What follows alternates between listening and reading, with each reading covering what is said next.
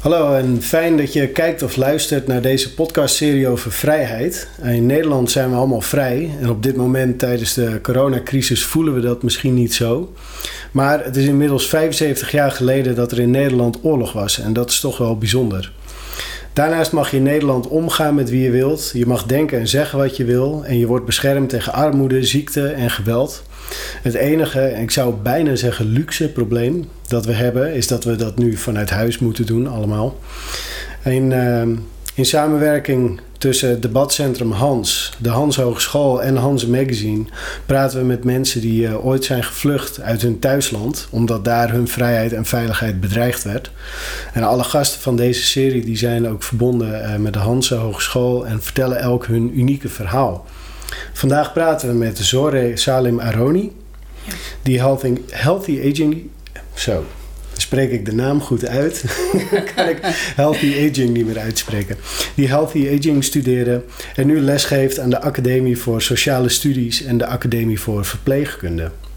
Ze is in 92 gevlucht uit Iran, na zeven jaar vast hebben gezeten als politieke gevangene. Hoi en welkom, fijn dat je er bent. Ja, dankjewel.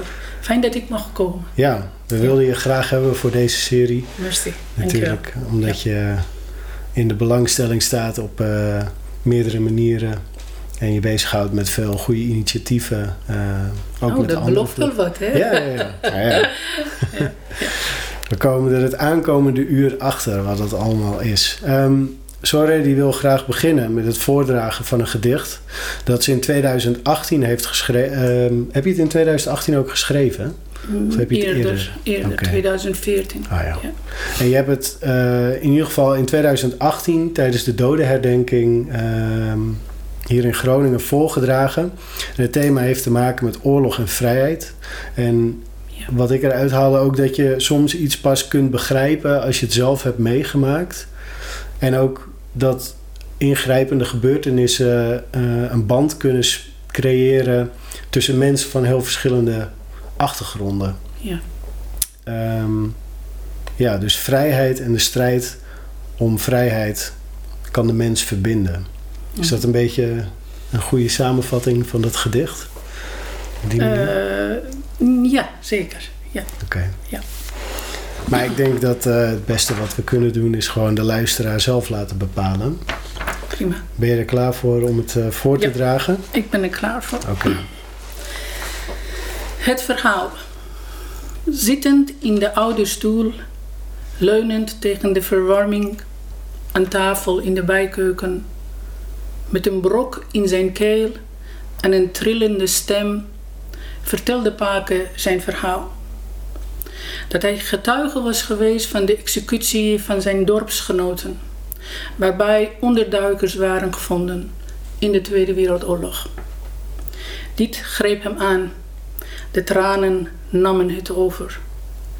Terwijl hij dit aan me toevertrouwde, dacht ik terug aan de schoten die ik als jonge meisje hoorde in de Iraanse gevangenis. Hij zei: Door precies wat ik bedoel, meisje. Je begrijpt wat ik bedoel, meisje. Ik begreep hem. We begrepen elkaar in het verlangen naar vrijheid, omdat we onvrijheid hadden gekend. We begrepen elkaar in het verlangen naar een veilig thuis, omdat we onveiligheid hadden ervaren. We begrepen elkaar in het verlangen naar een bevrijding, omdat we onderdrukking hadden gekend. Net als hij kan ik genieten van de mooie wolken in de hemel, van de regen en de zon, van de vogels in de lucht en het geluid van de zee, van de wind door mijn haren en de stilte in het land. Vrijheid is overal. Als de vrijheid mocht zingen, zacht, zachter dan het gezang van een vogel, dan zou de verwoestende oorlog er niet geweest zijn. En lachen de doden het leven toe.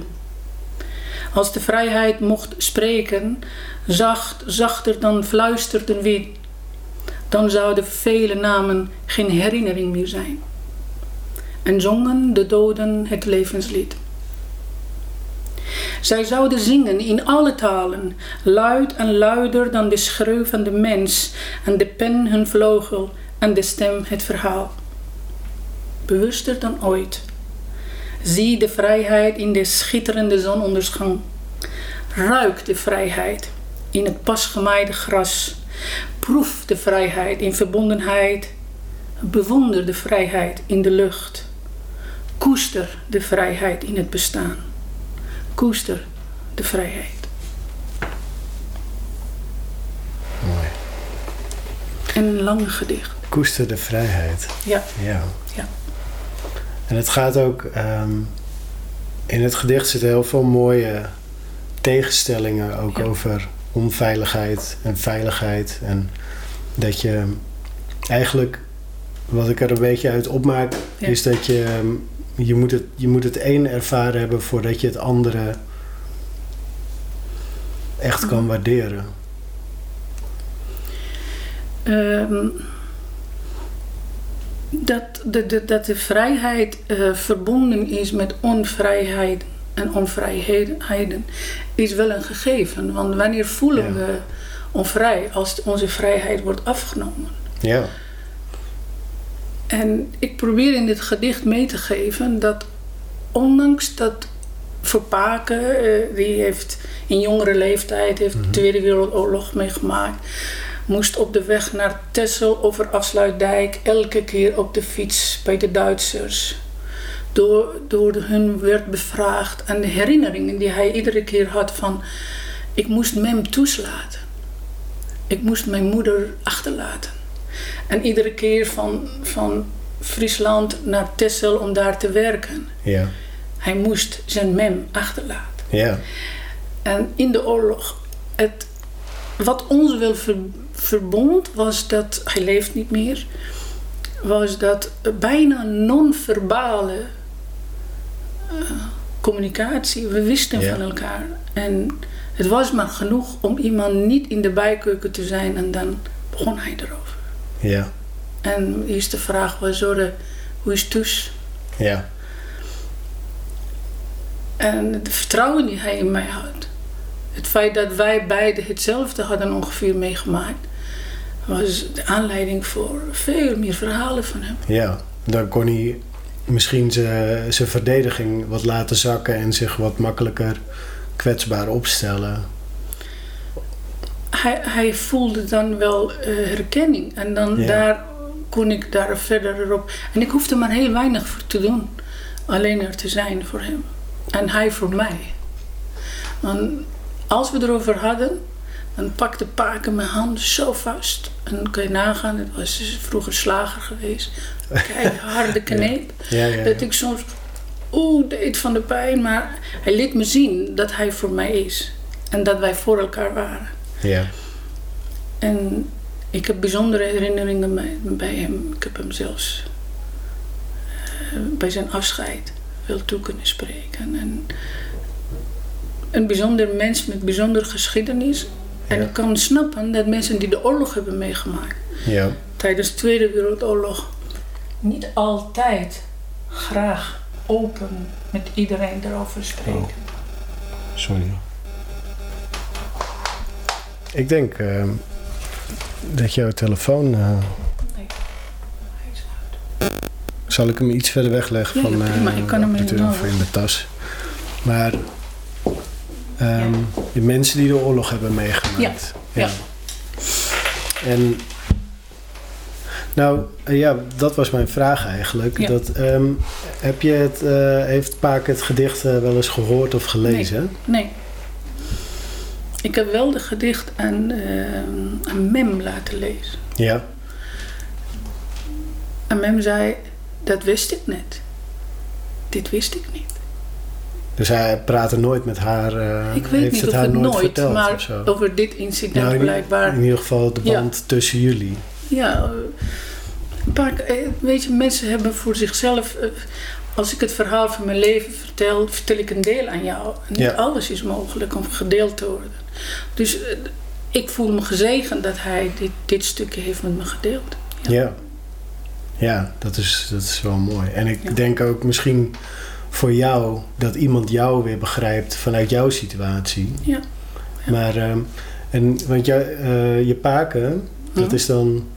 Even, Vader van mijn partner, ja. Ja, precies. ja. Ik wou net, maar deed hij je bijvoorbeeld ook ehm, denken, herkende je ook dingen van hem die je in je eigen vader herkende? Ja, jawel. Integriteit, hard werken, voor de ander zijn. En eh, probeer altijd goede vader te zijn. Ja, Want dat Ja. is dat misschien voor de mensen die luisteren, Ja. voelt dat een beetje hak op de tak dat ik overga. Op, op jouw vader. Maar ehm, in wat, wat vrijheid ehm, voor jou betekent en ook eh, het, de integriteit die je daarvoor nodig hebt om vrij te blijven. mhm. daarin is jouw vader ehm, heeft een, een, een sterke voorbeeldrol gehad. Want net in, de, eh, in het begin zei ik al, je hebt als politieke gevangene heb je vastgezeten zeven jaar in Ja. Iran. En ehm, er is, eh, je bent je broer daar ook in verloren. Ja. Die is eh, geëxecuteerd. Mhm. En toen jij, eh, voordat we begonnen met, Ja. met, dit, met dit interview, vertelde je over hoe jij in de gevangenis een soort innerlijke vrijheid bewaarde, ja, omdat de gevangenis nooit in jouw hoofd is gekomen. ja, En eh, je noemde daar ook dat je vader ehm, daar een, een, een voorbeeldrol van integriteit en Mhm. Hij was een man van harde werker. En eh, ik heb hem wel ehm, eh, pas later veel beter leren kennen. Toen ik wel dingen met hem kon delen. Want praten over het, zo'n levensgeschiedenis is niet altijd even makkelijk. nee. En eh, hij betekende heel veel voor mij omdat ik zag hoe hij eh, in alles wat hij deed, integriteit was nummer één voor hem. Ja. Ehm, hij ging nooit voor geld, nooit voor positie, nooit voor eh betere bestaan. Maar als wij wel het werk die leverde, was in afstemming en in gelijk, gelijkgestemde afstemming met de ander was. En eh, dat, dat integreerde me ook altijd van hoe kan dat? Dat zo'n man, analfabeet, Ja. ehm, toch zo'n belangrijke waarde had in zijn leven. Hij was gelovig en ik was niet gelovig en daar hadden wij wel onze conflicten over. Maar mm, ik heb nou, een voorbeeld meegenomen. Ja. Is voor de, is, voor de eh, mensen die, ja, voor de mensen, ja, die is, alleen luisteren. Het is... eh, dit, is- dit is een eh, stuk metaal geweest. Mijn Ja. vader heeft het eh, zoveel erop heeft geslagen en een vorm gegeven tot het een schoenenlepel is geworden. Ja. En ik weet en ik zag, ik zie hem nog steeds hoe vaak hij, zodra dat hij tijd had en even niks dat hij hier, hiermee aan de slag geweest. Het is echt een eh, resultaat van jaren werken. En ik zie het eh, enorme kracht van hem, doorzettingsvermogen. Hij gaf nooit op. Nee. En in combinatie met eh, zijn integriteit, hoe hij in het leven stond, is dit voor mij een hulpbron. Ja. Is dit voor mij altijd ik er naar kijk en als het leven eventjes wat, ja, wat, wat donkere wolken laat zien. Eh, ik weet dat hij had ook een spreuk en die spreuk weten mijn kinderen ook van eh, ehm, wees kalm mijn kind. Ook dit gaat voorbij. En voor alles is een oplossing behalve de dood.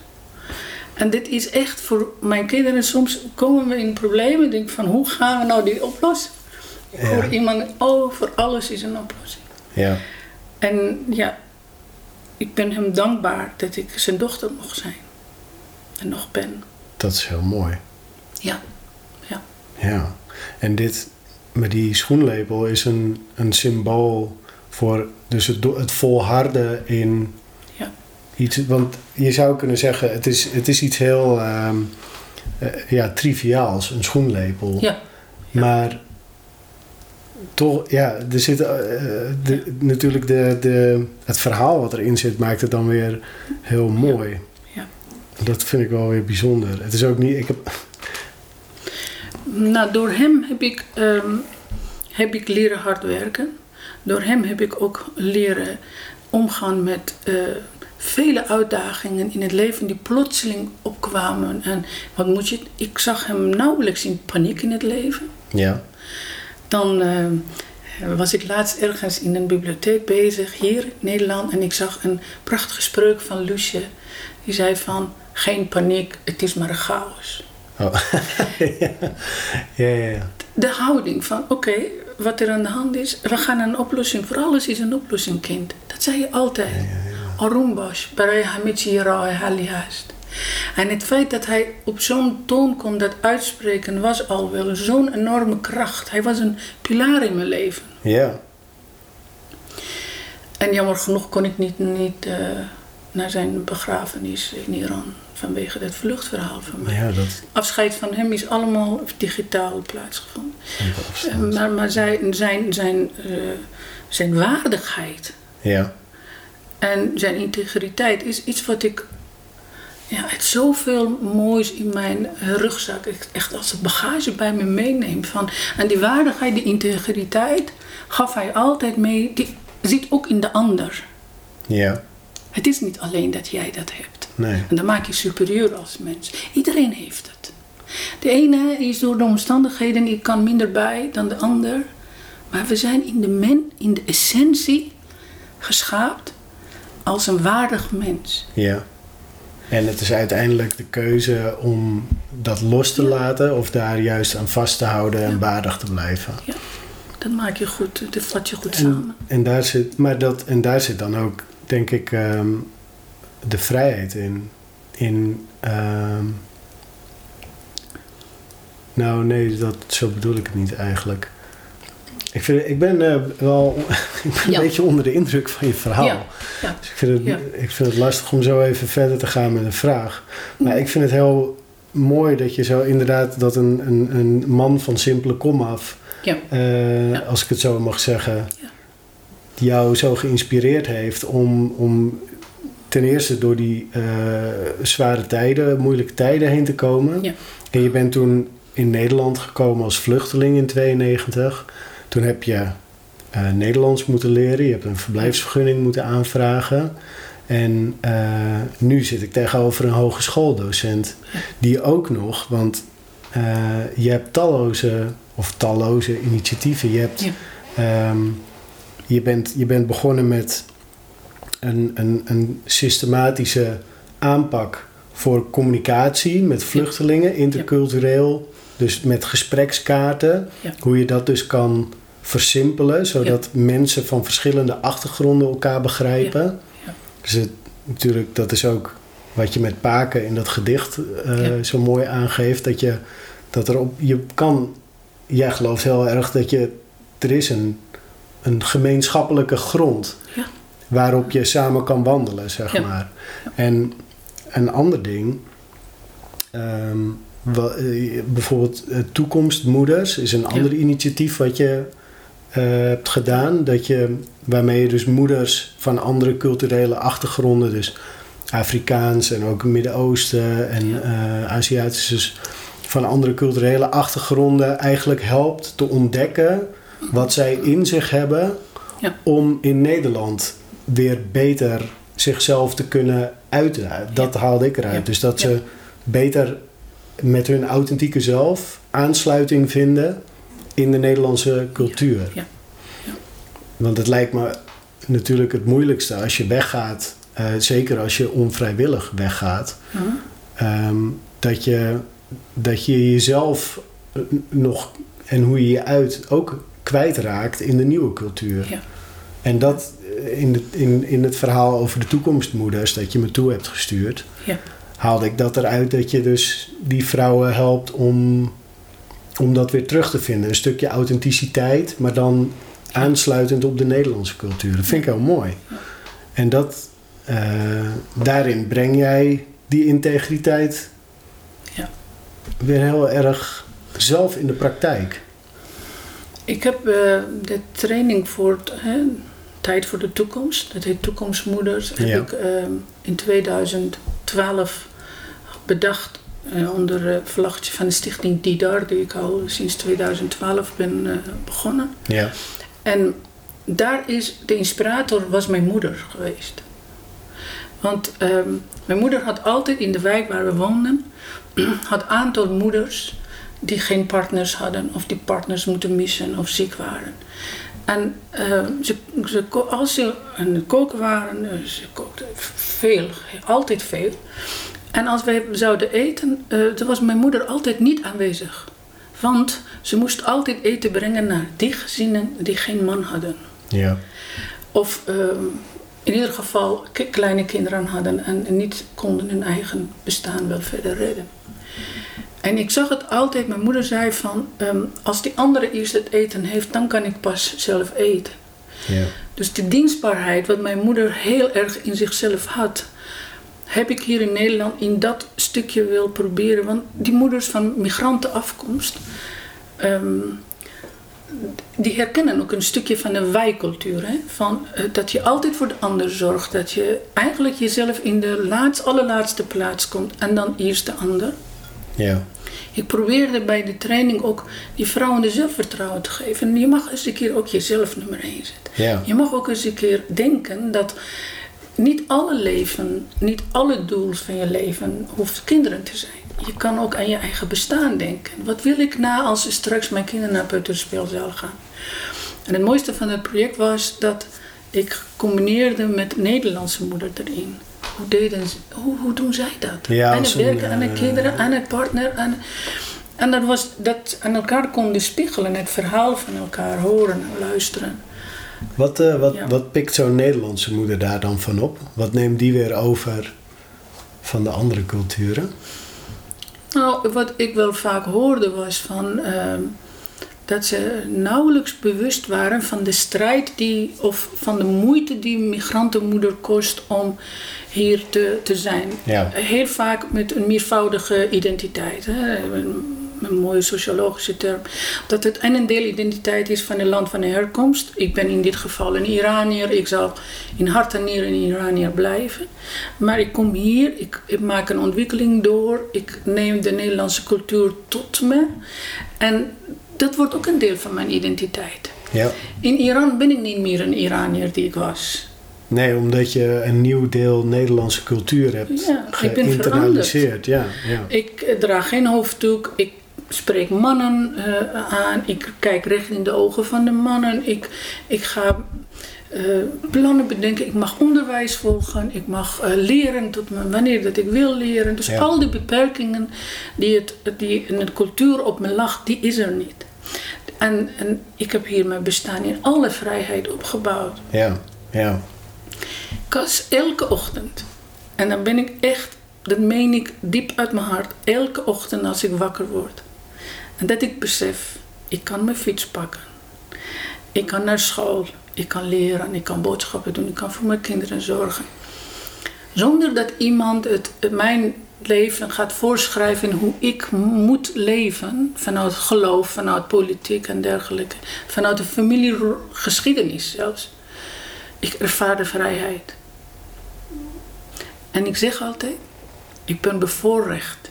ja. Wie, wie doet het? En als ik op de fiets st- stap en dan probeer ik vaak mijn haar ook los te laten. Dan de wind die door mijn haar gaat, die, het feit dat ik kan gaan waar ik wil. Is zo intens ervaring van vrijheid. Die ik alleen maar kan zeggen dat me tot diepe dankbaarheid en diepe buiging voor het leven brengt. ja. Van alles wat in mijn leven is gebeurd is niks voor niks geweest. en Nee, ik ben er ja, totale vrede mee. Want dat heeft mij heel veel emotionele rijkdom gegeven. Niet dat ik Ja. rijk ben, maar emotioneel daarbij ondersteund om vertrouwen te hebben dat wat er ook gebeurt in het leven, Ja, zoals mijn broer altijd zei, ja, eh, wees niet bang over de drempel van angst, ontmoet je je vrijheid. ja, dat het ondanks alles, dat je, een, je, je- je ontwikkelt een bepaalde relativeringsvermogen. Daarnaast ben je ook bewust van wat er al eigenlijk gebeurtenis met je doet, met je emotie, gevoelens, gedachten en alles. En tegelijkertijd de kalmte en de rust kan in jezelf bewaren. Ja, maar ik denk dat er zit heel veel wijsheid in die Ja. uitspraak, omdat in mijn, zo snel ik daarover nadenk, Mhm. Ehm, ik denk dat in angst kan je niet vrij zijn. Omdat angst iets is wat je... Wat, nee, het laat je, je je ziel verkrampen uiteindelijk, Mhm. zou je kunnen zeggen. Ja. Ik heb... ehm, ehm, ik zou hem zeggen als... ehm, zeg maar, in een eh, periode in mijn leven dat ik het zelf moeilijk had... En, en ik dus, zeg maar, ik ging in een sociaal isolement Ja. omdat ik, eh, nou ja, ik, ik werd, ik vertrouwde heel veel interacties niet meer. Mhm. En uiteindelijk heb, heb, ben ik tot de conclusie gekomen dat ik zei van, eh, verdriet kan je overal mee naartoe nemen en angst niet. Mhm. En dat is dus inderdaad, als je over die angst heen gaat, over Ja. de drempel van de angst, dan ligt daar de vrijheid om Ja. inderdaad met de emoties die daarachter zitten. Ja. Want zeg maar, angst is denk ik vooral dat je iets in jezelf niet, niet begrijpt. Mhm. En dat je daarom. Eh, en dan word je bang, omdat iets bedreigt jou en je kan het niet plaatsen in jezelf. Ja. Dus je voelt. En wat dat betreft, eh, heel mooi gesproken door je broer Ja. over, over de drempel van je angst, daar ligt de vrijheid. Ik denk dat dat eh, absoluut waar is. Ja. En ehm, om terug te komen op wat je daarvoor zei, over die dankbaarheid voor het leven, wat je natuurlijk ook mooi in dat gedicht aanhaalt. ehm, ehm, wij kunnen genieten. En het is natuurlijk, je kan zeggen van ik kan genieten, want er is veel. Ja. Maar iemand die tekort komt, die kan van heel veel alsnog niet genieten. Dus kunnen genieten is dan volgens mij ook meer een, een, een state of mind. Zoals, jij, zoals ik het bij jou eruit haal. Dus jij, om, jij bent je bewust en dankbaar. En daarom kan jij genieten. Niet omdat je heel rijk bent, wat je zei, maar omdat je emotioneel rijk bent. Het is, ehm, je beschrijft heel mooi dat mechanisme van angst en vrijheid. Dat de angst in mijn optiek, zoals jij dat ook ziet, je, je noemde het eh, ziel verkrampt, maar ik noem het gewoon, angst is een verkramping. Verkramping van onze bewustzijn. Van, Mhm. ehm, als wij iets niet kennen, dus het onbekende, onbekende terrein, onbekende gevoelens, emoties, de intensiteiten ervan niet kunnen bevatten, Ja. dan is angst heeft een degelijk een mooie functie. Want die maakt ons bewust van dit, dit ken ik niet, dus pas op. Hè? Ja. Maar als we erin doordraven en daarin verder ons laten leiden door angst, leiden met korte ei, Mhm. dan ehm, verliezen we onze leiderschap in het leven. Want angst is diegene die zegt van je moet die kant, of je moet juist niet, of je moet isoleren. Ja. Of zij zijn slecht. Ja. Zij- En dat is een moment Ja. die wij onze verantwoordelijkheid buiten leggen voor wat we ervaren. Terwijl het is onze angsten. Ja. Die, die wel eens ook collectief eh, wordt door versterkt. Maar het is onze angst. Als ik mezelf terugtrek, is mijn verantwoordelijkheid. En de vrijheid gaat heel weinig gepaard met angst. Vrijheid kent eigenlijk die angst niet. Want die zoomt door alles. Die, die, die, die zich ook niet laten beperken door angst. Dat is het mooiste van vrijheid. En voor die, dit interview of daarvoor had ik ook wel gekeken van... Goh, wat is nou het thema van mijn leven? Waar, wat, Wat is het thema van jouw wat leven? is mijn leven? Ja, Ja. weet je, het klinkt allemaal filosofisch. Ja, ik ben Ja, geboren ik het getogen in mooi. Iran, Ja, weet ja, je. ja. Dit is poëzie en, en, en eh, duizend en één nachten, verhalen Ja. en zo. De Arabische sprookjes staan Ja? in de kast hier. Oh, wat ja. mooi. Ehm, het thema van mijn leven, als ik terugkijk, als ik eh, naar al die eh, gesprekken die ik denk ik wel ook met mezelf, maar ook met, met mensen om me heen, maar ook met therapeuten heb ik erover gehad. Ehm, thema van leven is de zoektocht naar vrijheid. Ja. Ehm, niet dat ik niet met mijn onvrijheid kan leven, maar wel het besef van ehm, dat het alles wat er in het leven draait, daarom draait, is dat je, dat je die vrijheid niet los mag laten. Dat je dat echt zo, niet dat je ook vast mag maken, maar dat je bewust bent dat overal, zelfs tijdens de oorlog, Ja. het is vrijheid. Maar ja, en je zegt eh, een, een paar keer noem je bewustzijn. Ja, ja, Dus dat, dat, dat is sowieso natuurlijk een, een voorwaarde, denk ik. Ja. En verantwoordelijk, de, je hebt dus de verantwoordelijkheid voor je eigen gedrag. Ja. En om die verantwoordelijkheid te kunnen nemen, Ja. moet je je bewust zijn van wat zich in jou afspeelt. ja, En, ja, en eh, dus eh, als je daaraan voldoet, dan, dan kan je in een, zou je in een oorlog Ja. zelfs vrij kunnen zijn. Ja. Omdat je dan besluit. Nou ja, eh, zoals Ja. natuurlijk wat je bij je vader aangeeft, dan behoud je die integriteit. Ja. En dan doe je, dan kan je. Ja, dat, dat heeft dan misschien ook te maken met dat je jezelf in de spiegel kan aankijken. Want natuurlijk, als je denkt aan een, aan een oorlog, dan het eerste wat bij mij opkomt is dat vrijheid wordt dan heel bazaal. Dus ja. onderdak, eten, Ja. overleven. Of Niet- is het veiligheid wat je bedoelt, hè? Ja, misschien is veiligheid wel een beter woord. Ja, Maar dat, ik denk dat dat, dat dat vrijheid en veiligheid dan wel heel dicht Absoluut, naast elkaar absoluut, ligt. Want absoluut. Ik heb eh, f- zes woorden die met V beginnen. ja, En eh, dat, dat is voor mij nou, ook zo'n ook zo'n ja, ezelsbruggetje, wat je ook mag noemen. En de basis is veiligheid, ja, vertrouwen, ja, verbondenheid. Eh, dus in dit geval eh, vrijheid ja. en vrede. Ja. Vrede in het midden van al wat er is. Heb ik het nog eentje? vertrouwen, verbonden, Ja, vrijheid, vrede. ehm, en ik had wel ook een verlangen tussen gedaan. Verlangen, verlangen om. En daarbij zeker slash verantwoordelijkheid. Ja, Want vrijheid en verantwoordelijkheid, er zijn de beide kanten van hetzelfde medaille. ja dat, dat is wel opmerkelijk dat je dat zegt. Want ik heb dat dus eh, al een aantal keer eerder gehoord. Ja. Ook in de andere interviews die, Ja. die in deze serie zitten. Mhm. En het mooie is dat, omdat dit nu eh, het vierde interview is, Ja.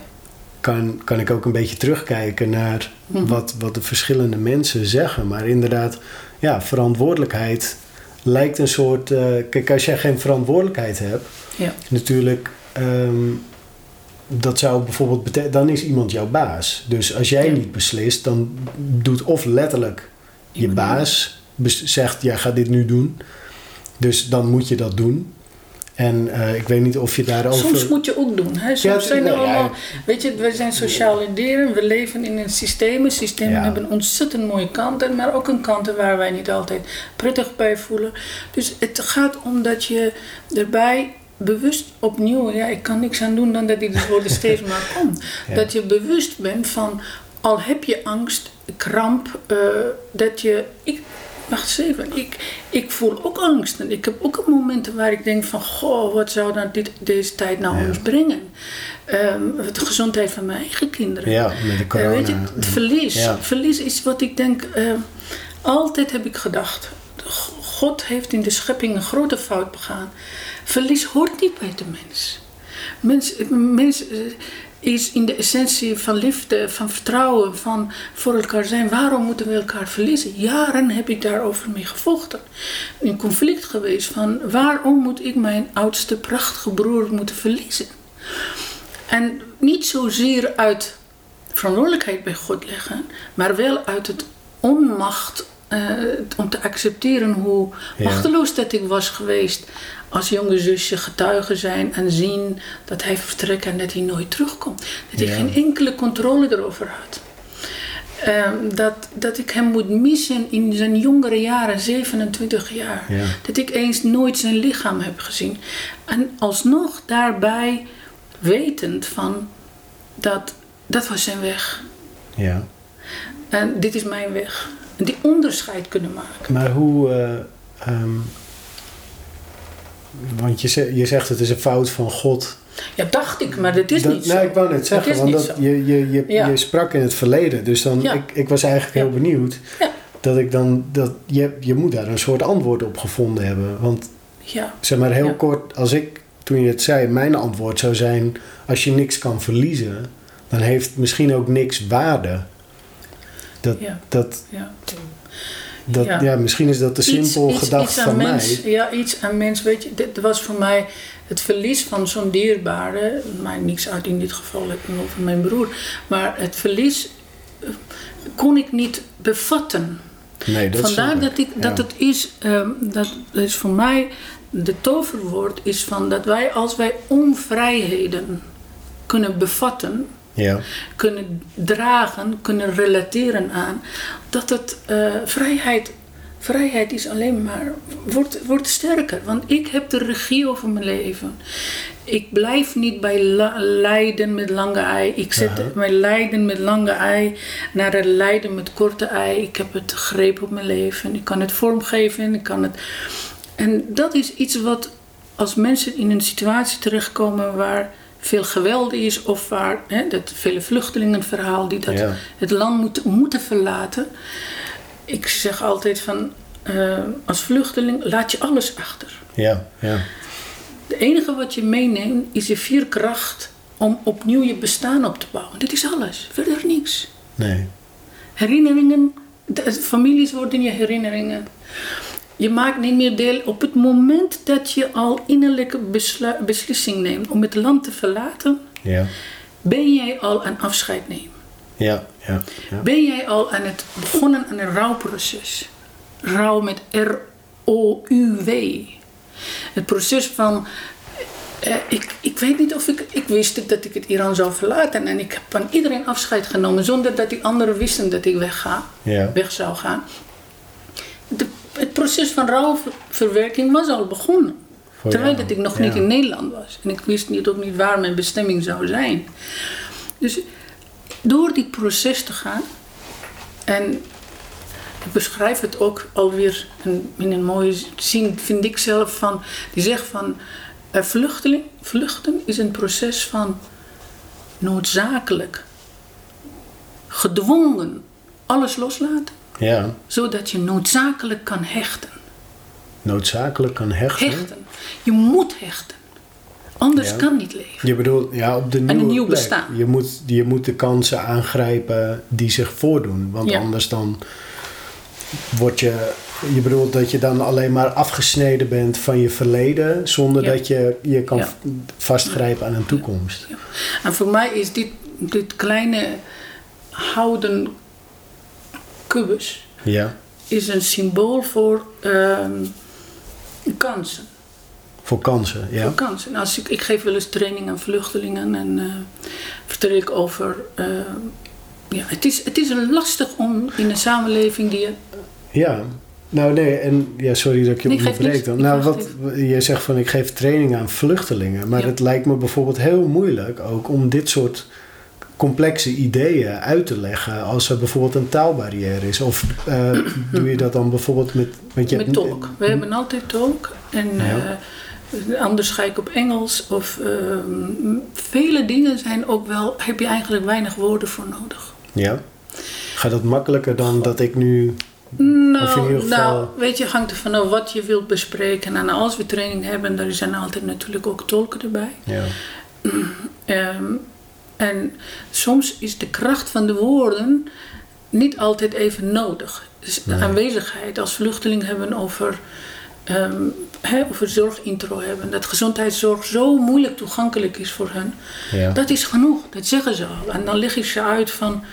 Kijk, het Nederlandse gezondheidszorgsysteem zit zo in elkaar. Je hebt een huisarts, die is een poortwachter. Ja. ja. En die, eh, je gaat altijd met de klachten eerst naar assistenten toe. Assistenten bekijkt of dit wel mm, belangrijk is, genoeg is. Gaat hij met huisarts bespreken. En huisarts gaat kijken van, goh, is het belangrijk? Dan moet ik bellen en in actie komen. En als die dat ook belangrijk vindt, dan pas komt een specialist aan bod. Hè? ja. Maar in Syrië of in Iran en in vele andere Oosterse landen, als je kwaal hebt of je je niet lekker voelt, je mag rechtstreeks naar een cardioloog. Ja. Je mag rechtstreeks naar een maagdarmenspecialist. En die discrepantie is voor vluchtelingen heel moeilijk om te begrijpen. Waarom? Ik betaal toch de ziektekosten eh, Ja, en ik, ik, heb, ik ben, waarom kan ik niet gewoon rechtstreeks naar, naar cardioloog? Ja, dus dan de, de frustratie zit hem dan in dat het hier, nou gewoon dat het hier toegankelijkheid, anders, accessibility dan, van eh, onze ja, gezondheidszorg. Terwijl ik geloof dat in Nederland wij een van een hele goede gezondheidszorgsysteem hebben. Alleen je moet het begrijpen, je moet het ook weten, leren daarmee werken. Het Ja. verschil tussen een eigen bijdrage en, en eh, weet je, eigen risico is nog steeds voor velen onduidelijk. Ja. En zij moeten het, dus ze betalen maandelijks en dan moet je ook daarnaast ook eigen bijdrage betalen. Ik moet eerlijk zeggen, Ja, dat, dat ik ken genoeg Nederlanders die, dat, die, Ja. die, dat, eh, die daar ook van in de war ja, raken. ja, dat Maar is wel dat, zo. dat, nou ja, goed, ik snap dat dat misschien een bron van frustratie is. Maar je hebt, neem je dat, dat houten blokje dan Hm. mee? En dan, want dat, dat gaat om kansen. Het gaat om kansen. En ik hou de houten blokje voor het oog van de ander. En ik zeg van, kijk wat er gebeurt. De kans gaat, gaat voorbij jou. Wat doe je? Laat je voorbij gaan Ja, of pak je dat? ja. En daar is dus, spreek ik ook vluchtelingen ook op hun eigen verantwoordelijkheid. Eh, Laten we eerlijk zijn, vinden van een baan en een goede baan in Nederland is niet een makkelijke opgave. Nee, zeker niet met, met, met de, gewoon concurrentie op de arbeidsmarkt, taalbarrière, eh, misschien het Met, al, van... met alles, alles wat wij. Want vrij vaak het vinden van een baan is toch een persoonlijke zoektocht, persoonlijke investering. Je moet een beetje gunfactor hebben. Ja. Er, zijn, er zijn zoveel andere dingen die als vluchteling, als je de cultuur, werkcultuur niet kent, Ja. dat je dan kan je vaker gediscrimineerd voelen, niet gezien voelen. Eh, zie je maar, de beste banen zijn voor witte mensen. Weet je, dan kom je ook in een sfeer waar voor niemand helpen is. Nou, en eh, je, je, je, wordt, je wordt ook... ehm, je geeft je vrijheid uit, handen, omdat je denkt dat je dan niks aan je lot... Het, het is je lot. Ja. Dus de wereld is oneerlijk. Dus ik heb hier geen zeggenschap in. Ja. Ook dat mag, alleen Nou ja, ik snap, ik, ik kan bewust, begrijpen dat je je zo voelt. Maar als je, als je je zo voelt en daaraan vasthoudt. En, eh, want dat, dat, dat lijkt een beetje, eh, voordat we begonnen met het interview, hadden we het ook over eh, mensen die met jou in de gevangenis hadden gezeten. En die toen ze vrij kwamen, Ja. de wapens wilden oppakken. ehm, aan de wraak nemen. en wraak nemen. Maar die, en natuurlijk onze conclusie was, die mensen zijn slaaf van hun haat. Dus zij worden ook, zij zijn niet vrij omdat ze geleefd worden door een negatief gevoel. Dat, Mhm. dat, het, dat bij iemand anders, dat als ze die ander uit de weg ruimen, Ja. dat dan het probleem is opgelost.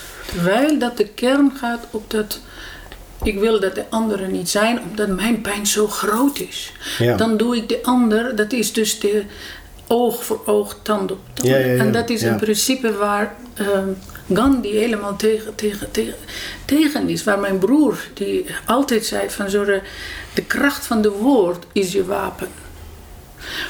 Ga, ga in gesprek met mensen. Mhm. En ik geloof heilig in, als wij echt met elkaar kunnen communiceren, dan is geen oorlog voor nodig. Nee. We voeren oorlog, we zetten de wapen in, omdat we eigenlijk machteloos voelen. Ja. Nou, en ik denk natuurlijk wat in het geval van, eh, van Iran, want dat Ja. eh, in de tijd dat jij daar, dat, dat in de jaren tachtig, de Golfoorlog, dat Irak natuurlijk Iran binnenviel Ja. om de olievelden en, en, en Ja. eh, even kijken, eh, heel, heel kort als ik het goed begrijp, er was in voor de jaren tachtig was er een, geweest. een pro-westerse eh, Ja. islamitische regering. Ja, Ehm, was Shah. Ja, en daarna, toen is er, heeft iemand anders de macht overgenomen. Ja. En Saddam Hussein, die wilde eigenlijk twee, meerdere vliegen in één klap slaan. Want hij wilde de rijke olievelden hebben. En hij dacht ook, als ik de revolutie in Iran Ja. de kop indruk, dan gebeurt dat in Irak Ja. niet. Dat hij de macht, machtigste precies, man dus- van, dat, van dat gebied zou zijn. Ja, Ja. en natuurlijk ehm, zijn vrijheid. Ja, nu ik het zo zeg, denk ik ook van ja, er zit natuurlijk angst achter om de macht kwijt te raken. Ja. En vanuit die angst maakt die andere mensen hun, hun vrede kapot. Ja. En dat is. ehm, nou, misschien dwalen we Nee, maar dat een zie je beetje bij. af. eh. Juist, nee, juist omdat dit thema van vrijheid en de macht en machthebbers en slachtoffers, verraders. En dit is allemaal aan elkaar. En het is, eh, het is als een kluifje aan elkaar vast. Ja, Ehm, je ziet in de oorlog dat mensen elkaar verraden. Ja, Ik heb verhalen gehoord van mensen dat uh, Paken vertelde mij ook daarover. Die en die en die, ja, die was met Duitsers. ja, Dat wist je al wel. Ik heb verraad veel gezien. Ik heb ook wantrouwen gezien. Hoe mensen elkaar niet vertrouwen in de, tijdens de oorlog. Maar ook daarna zelfs. Ik heb nu... ehm, dit vertel ik met toestemming van mijn eh, beste vriendin. Eh, heeft, eh, zijn, haar vader is eh, 84. Met de huidige corona is hij zo... Hij moet thuis blijven in deze... hij is zo in de war. Hij loopt, zegt, hij, en hij loopt in huis en hij zegt: Overal zijn verraders. De deuren niet open doen, want er komen verraders. Hebben we genoeg eten? Ze hebben het huis volgestopt met, de, met, met basisdingen. met allemaal- Dus wat, wat, wat ik kan voor mezelf, ik weet niet of het zo is, maar dat kan ik me voorstellen dat het zo zou kunnen zijn, is dat hij aan een oorlog aan het herbeleven. Er zijn geen verraders. Overheid is aan een, heeft een aantal maatregelen genomen. Alles is er wel. Ja, je mag gewoon sociale eh, Ja. afstand wat, verminderen. en natuurlijk ook die mensen die zeggen dat eh, corona wordt veroorzaakt door het 5G-netwerk. Weet je, daar, er zijn Dat- allemaal een gedachten, bepaalde- theorieën erover. Ja, En ik zie in hem herbeleving van de oorlogssituaties. Ik zie dat, dat het, dat stukje wat nog niet verwerkt is, dat het dat naar boven komt. Van, eh, oh, dus het is nog verraad, pas op. Terwijl, ja. eh, Maar- dat is de, de, de transformatie die mensen doormaken als ze dat in het echte therapie gaan en aan zichzelf gaan werken. Dat wat toen was, ja, is niet nu. ja. Er is een verwarring in onze brein. En dit is puur Ja, fysiek. precies, want hij, hij, heeft, ehm, hij heeft dat stukje dus nooit los kunnen laten. En daardoor is hij nog steeds sl- In ieder slachtoffer. In ieder in zijn geval, hoofd. wat het nu is, is het nog niet vrij. Ja, precies, ja. Nee, ja. Ik, En ik vind het heel mooi, maar ook aandoenlijk om te zien. Bijna ontroerend om te zien hoe die oude man probeert toch zichzelf staande te houden. Het is puur overlevingsmechanisme. ja, en ik zou heel graag hem willen ontmoeten. Het is nog niet van gekomen, met die tijd van corona ook helemaal niet. nee. dat is waardevol om in gesprek te gaan. En ik heb met de familie erover gesproken. Van, die dit niet konden snappen. Waarom doet hij zoals dat hij doet? Ja, En dit zijn voorbeelden. Ik ken het ook van nabije omgeving. Als mensen van die oorlog hebben meegemaakt. Als ze een situatie meemaken die erop lijkt. ja, Onze zenuwstelsels, die neemt het over. Ja. Want we moeten in fight-of-flight reactie. We moeten eigenlijk wel in de basis of vriezen. Ik moet vechten of moet vluchten. Dit is onveilig. ja dat, wat, dat is wat ze nu, eh, wat ze de posttraumatische stressstoornis noemen. Ja. Of in ieder geval, er is, Er is een belevenis er die is een nog niet.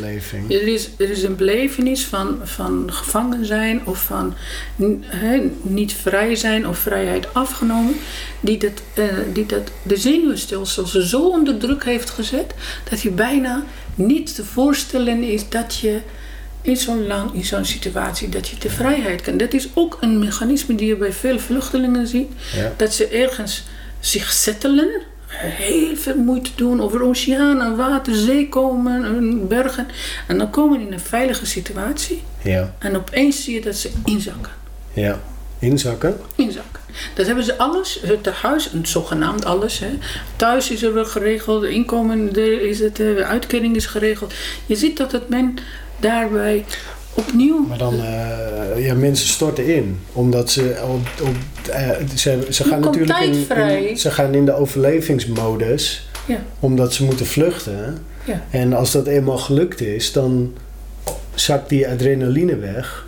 En dan komt, komt alles naar boven wat je hebt moeten wegdrukken om te kunnen overleven. Ja, dit is een, een verklaring. Je kan het ook zo zien als eh, je komt ergens aan. Ja, Ik vind het boek van Paulus Scheffer prachtig, Het Land van de Aankomst. ja, Hij beschrijft de mechanismen of, of wat gebeurt in een a- in migranten als ze in een nieuwe thuis komen. want wat Dat gebeurt er dan? Ja. Dat het nieuwe thuis eh, nooit thuis is. Nee, Ehm, het is een huis. Huis en thuis zijn twee dingen. Voor je gevoel is thuis is waar je kan zitten, waar je kan doen, waar je de deur dicht doet. He, he, pff, ontspannen. En een huis is het gewoon een dak boven je hoofd. Je hebt het Geen emotionele... verbinding. En die Verbinding, emotionele verbinding moet je maken toch, als vluchteling. Maar heb jij, heb jij hier in Nederland een thuis? Ja. Dus jij hebt, jij hebt die stap verder kunnen Ja. maken van... Ja. Want ik neem aan dat toen je hier aankwam, toen was het huis. Zeg maar. Ja. Je hebt, en, Ja. en over de jaren heen heb je hier een thuis van weten te maken. Ik heb hierover zelfs een, een gedicht geschreven over dat de aarde ehm, een plek is voor mij om, om te zijn. Het maakt echt niet geografische grenzen maken helemaal niet uit waar je bent, wat je doet. Mhm. Het gaat om dat je innerlijk thuis kan voelen in jezelf. Ja. En daaruit weten te verbinden met de, de wereld buiten jij. Maar ik denk dat dat, ehm, ja, dat sowieso klinkt dat gewoon als een enorme waarheid.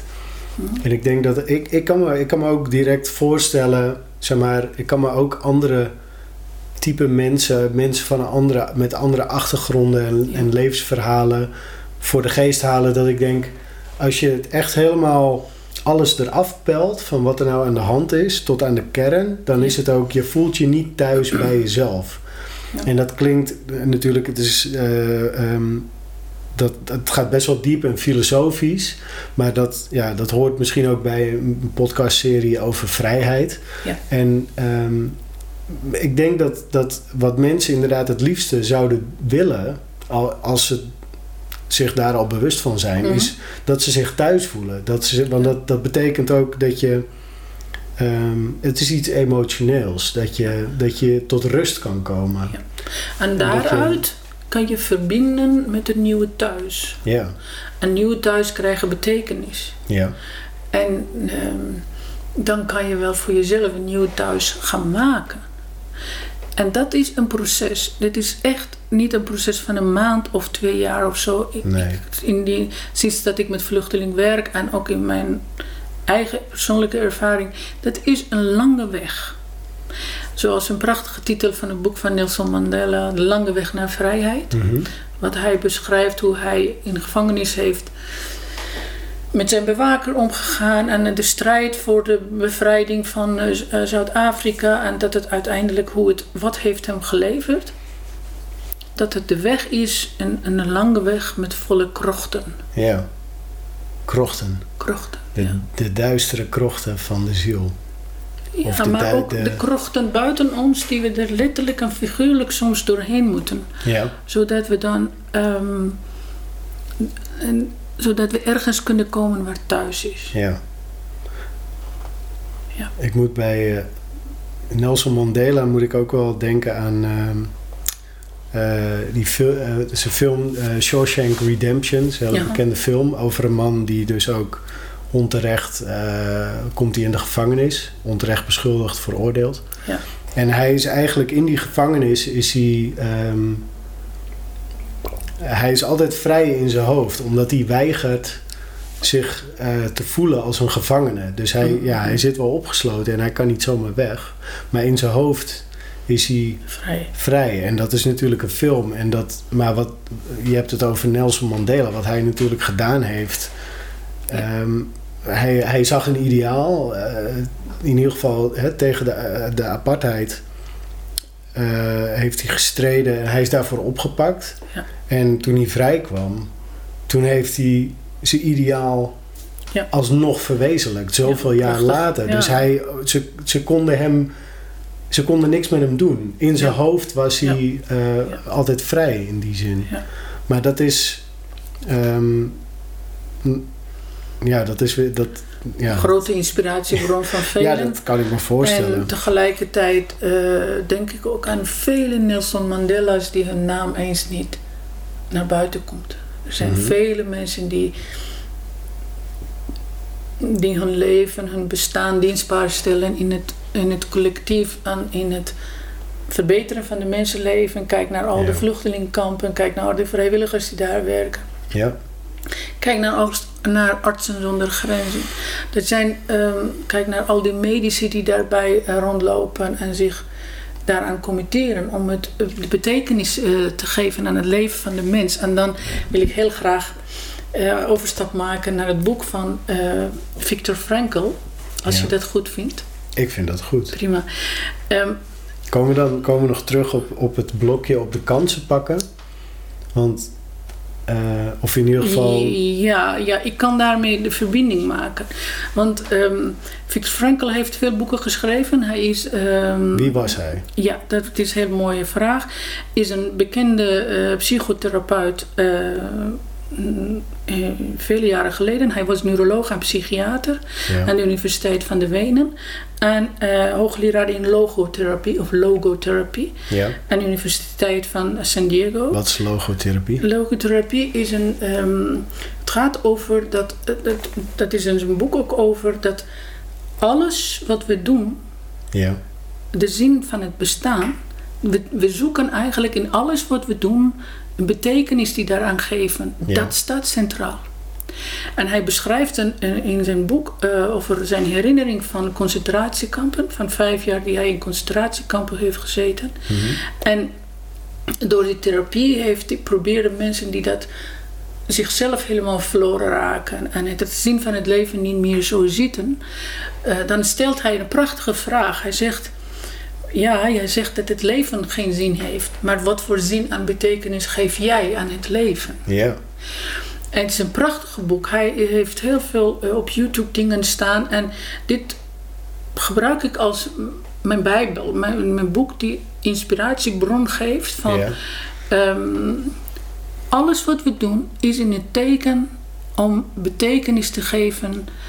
een betekenis te brengen in een andersmans leven. ja. In andermans leven? In andersmans leven. Het betekent dat je dan... Je krijgt, pas je eigen leven krijgt wat betekenis... Ja. Als je daaruit kunt re- relateren tot de, tot de betekenis of tot de verbetering of tot de zingeving in het leven van de ander. En we doen er alles aan. We doen er alles aan om erbij te horen, om Ja. die betekenis wel te geven. En hij beschrijft de herinneringen in concentratiekampen. eh, dat de mensen toch, ondanks alle onmenselijke situaties, toch bij hun waardigheid, bij hun menselijkheid konden blijven Ja. en niet buigen voor geweld. En dit boek is niet omdat hij hele gruwelijke dingen schrijft, maar omdat juist hij altijd de hoop uit het verhaal haalt van wat allemaal mensen meegemaakt. Niet de intensiteit van de pijn, maar wel de ombuiging en de omwenteling die mens van het wanhoop naar hoop geeft. Ja. Van het totale machteloosheid naar kracht geeft. Van het slachtoffer naar eigen leiderschap geeft. En, eh, maar als ik het goed begrijp, gebeurt dat op het moment dat mensen zelf ehm, weer er aan iets wat ze doen, neem ik aan, eh, zin en betekenis kunnen Ja. geven. Dus Ja. uiteindelijk zit zingeving, de zin, de zin van het leven, zou je kunnen zeggen, zit dan in wat je doet, in je acties. Ja. Dus iemand die niks doet, heeft een zinloos leven. Ik weet niet of dat, of dat misschien wat te kort is. Weet je, nou, weet je, in mijn gevoel, Het in mijn het was eruit gedachten... voordat nee, ik dat geeft niks. Is prima, is prima. Ik laat je niet los. Ja. Nee, maar dat... Weet je, ik, in, mijn, in mijn belevenis, zinloos bestaat niet. Alles heeft een betekenis. Mhm. En alles is met alles verbonden. Ja, dat klinkt heel gek, maar zonder al die schakels die ik in mijn leven ben tegengekomen, Ja. was ik niet hier geweest. Nee, dat snap ik. Wij zouden gisteren dit interview doen. Ja. Op een of andere manier is dat niet doorgegaan. En daarna zijn andere dingen gebeurd in mijn dagelijks in mijn leven die ik dacht: oh, ik was er, daarom is het niet doorgegaan. Ik was er nodig om daar op dat tijdstip ergens anders te zijn. Het was geen ramp als ik er niet was, maar je ziet dat wij er zijn allemaal dingen met elkaar verbonden. En daar, als je daarbij de, de betekenis ervan, de, de, de, de positieve betekenis, positieve wending of omdenken of wat je ook mag noemen, Mhm. kan geven, dat zie je van oké, dit is ook maar een proces. Het gaat voorbij, er komt nog iets anders voor. En dan is er een bepaalde mate van onthechtheid ontstaan. Ja. Waar ik veel meer vrede in kan vinden met wat er is. Maar ja, omdat je, eh, ehm, omdat je de dingen ziet in het grotere perspectief Ja. misschien ook. Ja. Want dat, dat is natuurlijk... eh, Dat, eh, het is heel... ehm, het is ook een stoïcijnse gedachte. Mhm. Natuurlijk dat hè, de, de, de wereld en de natuur... Of eigenlijk de wereld heeft zijn natuurlijke gang. Ja. Dus de dingen hebben een bepaalde aard. En het heeft geen zin om tegen de aard van het... Ja. Dat zeggen we ook wat, hè, vaak. Het is de aard van het beestje. Mhm. Dus het heeft geen zin om te protesteren tegen de aard van het beestje. Mhm. En dat is misschien net, net als dat bij het leven hoort ehm, dat je kan niet terug naar het verleden. En je kan, Ja. dus je kan, eh, nee, dan komen we terug op dat blokje. Je Ja. kansen grijpen, Ja. dat kan alleen hier en nu. Ja. En ehm, de aard van het leven is dat je niet terug in het verleden kan om dingen nog een keer te doen. Je hebt altijd de kans om als je, als je het wilt anders doen. En dat eh, anders doen, daar heb je die vrijheid in. Wat ons Ja. overkomen is, lieve Cas, dat kunnen we niet veranderen. Het is overkomen. Wat eh Frenkel is overkomen, dat in concentratiekampen moest getuige zijn van zoveel mensen die voor zijn ogen werden vermoord, Mhm. is niks, is niks te veranderen. Hij had het ook geen greep op. Nee. Maar wat hij wel invloed op had, wat hij wel kon ehm, daarbij zijn eigen ehm, aandeel erin wel te laten gelden, was dat hij aanwezig was voor de zieken, dat hij kon doen, dat hij hard kon werken, dat hij dan daaruit in hard werken, zelfs hield hij zijn hoop zo lang vast, want samen na... Vijf jaar lang. ja, en zijn, is- zijn hele familie is vermoord, vervoer, afgevoerd en vermoord. En hij gaat het zelfs. Hij zegt in de gevangenis, in de concentratiekampen, heb ik geweigerd om te geloven dat ze dood zijn. Ik heb altijd geweigerd om te geloven dat ik de volgende ben die in de gaskamer moet. Ja. Ik heb altijd geloofd, je weet maar nooit, we zien wel wat de dag met zich meebrengt. En waarom zou ik niet zijn? Ja. En dat geloof heeft hem zo sterk gehouden zelfs dat na zijn bevrijding, hij gaat rechtstreeks naar, naar zijn eigen huis. En dan belt hij aan. En dan wordt de deur door een vreemde vrouw opengemaakt. En hij zegt van, waar zijn mijn vrouw? Zegt ze, die zijn al afgevoerd, die zijn al vermoord. En dat het dan, dan zie je in hem, en hij beschrijft dan was alsof dat het hele wereld onder mijn voeten wegzakt. Dat al die jaren de hoop houden. Ja. En ik noem het geen valse hoop. Ik noem het oprecht, oprecht willen nog het, de zin van het leven ervaren. Want de stem van zijn vrouw, daar droomt hij ervan. Ja. Het feit dat hij opnieuw in zo'n prachtig huis kan zijn. Ik droom ook wel eens van Iran. Dat ik terug kan. En ik word er wakker. En ik weet ook in mijn droom. Ik moet tegen niemand zeggen dat ik hier ben. Want ik ken de onveiligheid. En dan word ik wakker en ik zeg: Oh, oh godzijdank, ik ben in Nederland, ik ben in Groningen, ik ben in mijn bed. En in, mijn droom, in onze dromen weten we die onderscheid niet. We denken dat het echt is. Daarom word je ook met kloppende hart wakker van: oh, Wow, in Iran. En elke keer is voor mij het besef dat het leven zin heeft.